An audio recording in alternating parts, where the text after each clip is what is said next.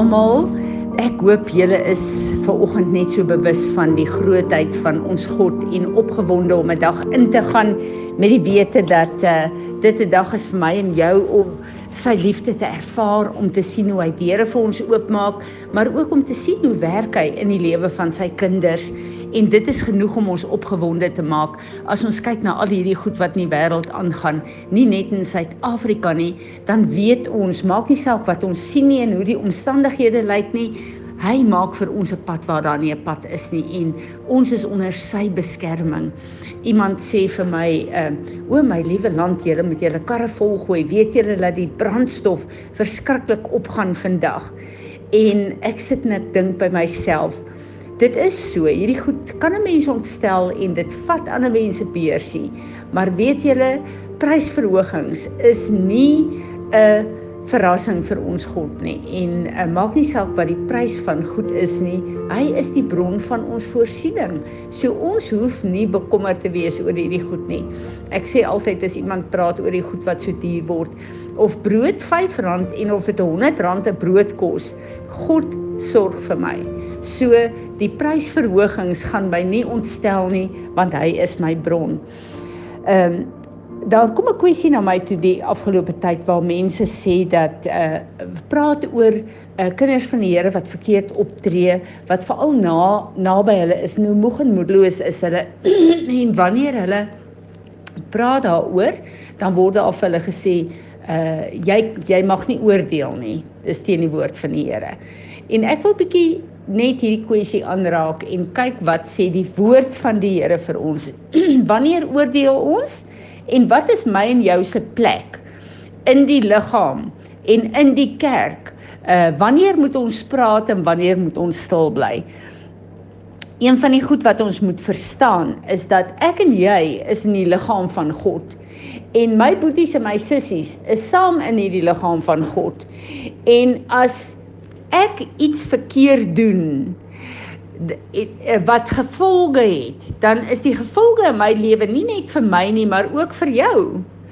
Want die getuienis wat die liggaam van Christus uitdra, moet 'n getuienis wees om sy naam te verheerlik en nie om ons in die oë van die wêreld letterlik uh, kragteloos te maak nie en uh, ons te laat lyk soos die wêreld nie. So as jy sonde doen, dan beïnvloed dit vir my en die ander in die liggaam.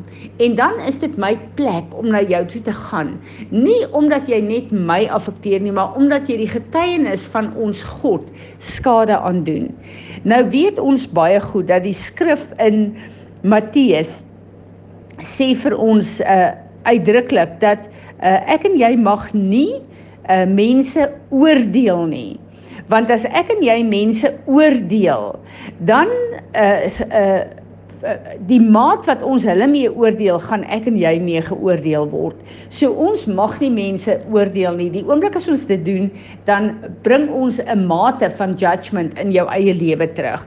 Maar hierdie het niks te doen met iemand oordeel nie, want oordeel, as jy iemand oordeel, dan is jy in kritiek en in judgment in. En dis teen die woord van God en ons mag dit nie doen nie, want dit sluit aan by die by die skrif ook van wat jy saai, gaan jy oes en dis presies hierdie ding van judgment.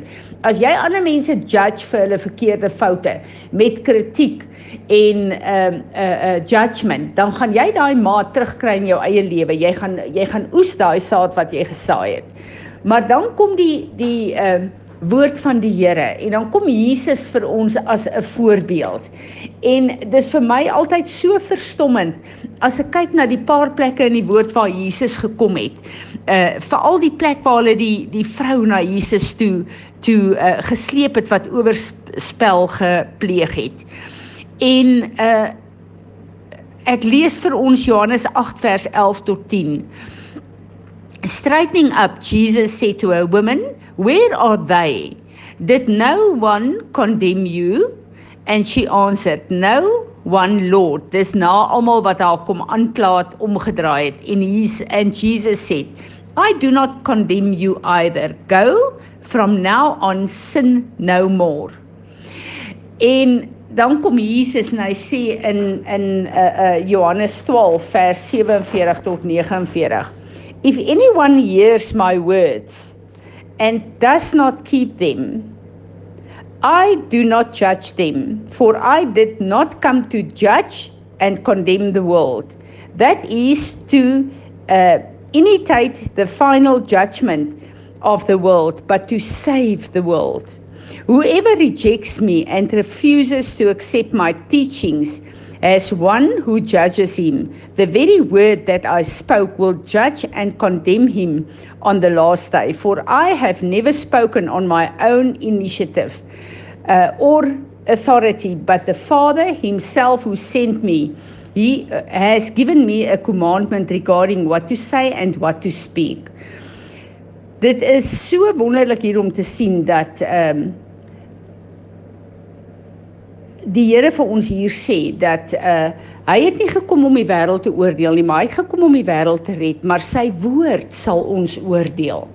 So hier gee hy vir ons so 'n riglyn en hy sê vir ons dat as iemand, as 'n kind van die Here optree buite die woord van God, teen die woord van God, dan moet ons die woord van God vir iemand bring en sê die woord van die Here sê en die woord vir hom quoteer en dan sê wat jy hier doen is jy jy is in rebellie teen God. Jy tree teen God se woord op.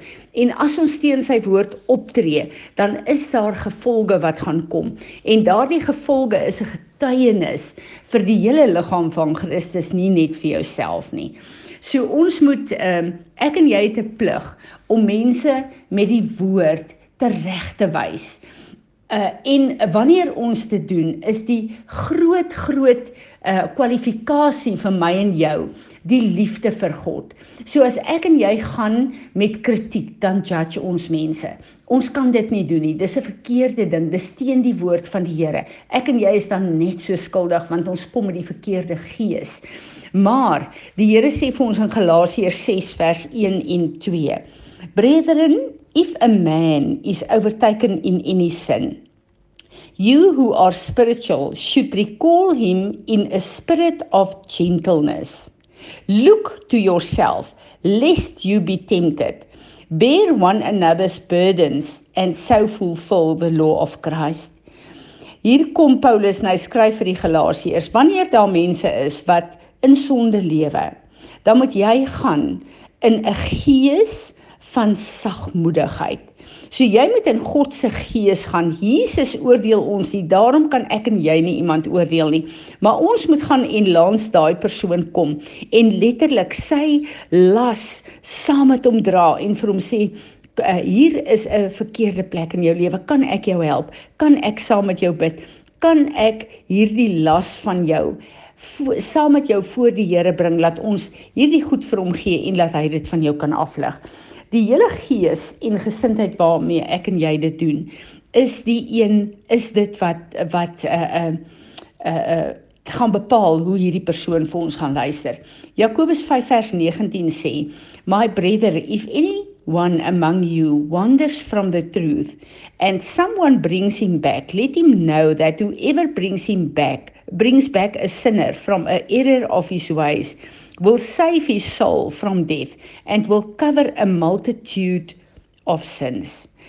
Hier kom Jakobus en hy kom sê dat as ek en jy nie met ons boeties en sissies praat wat in sonde vasgeval is nie, dan kan hulle hel toe gaan. Hulle kan wegdraai van God af, hulle kan hel toe gaan. En ek en jy het 'n verantwoordelikheid om letterlik op daai plek hulle siele terug te red, dat hulle terug kan kom op die pad en dat hulle deel kan bly van die koninkryk van God. So uh, in in vandag se wêreld uh het ons 'n gesindheid ontwikkel ook in die kerk van Jesus Christus waar ons letterlik ons kop wegdraai. As jy sonde doen, dis jou saak en uh ons uh, draai ons kop weg en dit het veroorsaak dat daar soveel sonde in die kerk inkom en dat plekke uh, uh dat die kerk en die die getuienis van die kerk net soos die wêreld lyk. Hoe hartseer is dit net nie. Ek en jy het 'n verantwoordelikheid om uh, na ons boeties en ons sissies te kyk en wanneer iemand in sonde is, ons harte voor die Here te on, on, ondersoek en heel eerste moet ek en jy bid vir so 'n boetie of 'n sissie. As jy nie eers gebid het nie, moenie gaan praat nie. Want die Heilige Gees moet jou hart voorberei. Hy moet jou die woorde gee. Dan moet jy in die gesindheid van Christus na hierdie uh, boetie of sussie toe gaan. En uh, uh, in die evangelie sê ons sien ons ook, ek dink dit is in Johannes waar daar nee Matteus waar daar staan, as so iemand sondig in die gemeente, neem hom eers privaat en dan praat jy met hom, wys hom op sy sonde, lees die woord vir hom, bid saam met hom. As hy dan nie luister nie, dan gaan jy na die leiers toe. En as die leiers met hom praat en hy luister nog nie, dan expose jy hom voor die gemeente. En as hy nog nie wil luister nie, dan kom Paulus en hy sê hierdie verskriklike woorde en hy sê nou lewer jy hom oor aan die duiwel sodat sy siel gered kan word. Dit wil sê dat die duiwel 'n vrye hand het met sy konsekwensies om hierdie persoon tot tot uh, sy sinne te ruk. Maar wat 'n vreeslike woord is dit net nie. Maar ek en jy moet op 'n plek kom waar ons weet, ons het 'n verantwoordelikheid teenoor die Here om ons boeties en sissies te help. Want ek en jy het ook plekke wat ons blind voor is wat die Here 'n boetie of 'n sussie gaan gebruik om na jou toe te kom en te sê, weet jy, ek sien hierdie dinge in jou lewe. Kom ek en jy bid saam daaroor. Ek en jy het almal voete van klei. Daar's plekke waar ek en jy ehm uh, uh nodig het om tereggewys te word. En net soos die Heilige Gees my op sy sagte manier ons teregwys, wil hy hê baie keer dat ek en jy sy instrumente moet wees om uh, te werk in sy kinders se lewens. So moenie dat hierdie uh hele uh aanval en accusation van mense wat sê jy mag nie judge nie jou daarvan weerhou om jou plig as 'n kind van die Here in die koninkryk in die liggaam van Christus na te kom om God se werktuig te wees nie. Vader, ons kom buig vandag in aanbidding voor U. As ons kyk na hierdie kwessie van judgement, dan besef ons, Here, dit is iets wat ons so fyn by U moet onderskei. En ek bid dat U vir ons sal kom leer, Here, dat ons nie mense sal judge uit kritiek en hoogmoed nie. Here, maar laat ons wanneer mense verkeerde goed doen, onsself voor U sal kom humble en sal bid, Here, vir hierdie mense en vanuit daai plek dan gaan en met U Gees daai persone gaan bedien met u goddelike liefde Here dat ons hulle sal optel en dat hulle op 'n plek sal kom Here waar die skille van hulle oë sal afval waar hulle kan sien en hoor wat hulle verkeerd doen en dat dan dat dit hulle sal dryf na 'n plek toe waar hulle hulle self voor u kan verootmoedig waar hulle kan ver, vergifnis vra vir hulle verkeerde dade en waar u met u liefde die herstel die bevryding en die restaurasie sal bring. Ek bid Here dat U vir ons sal help soos wat U ons gebruik om ander mense tereg te wys dat U woord ons ook gedurig elke dag sal was. En ek bid Here dat ons al hoe meer en meer u woord sal toelaat om vir ons te was elke kol wat die wat die omstandighede en wat die wêreld op ons maak Here dat ons met skoon hande kan staan wanneer ons gaan en u ons wil gebruik in ons boeties en sissies se lewe.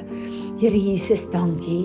Dankie dat u die lewende woord is dankie dat u nie gekom het om ons te oordeel nie maar dat u u woord vir ons gegee het en dat u woord die swaard is Here wat ons lossny van die werk van die vyand Ek bid Here Jesus dat U sal kom en ons sal kom salf op hierdie plek en dat ons vir U U hande en voete, U mond op aarde sal wees. Maar eerstens dat U woord in ons lewe gestalte sal kry sodat U naam verheerlik sal word. Amen.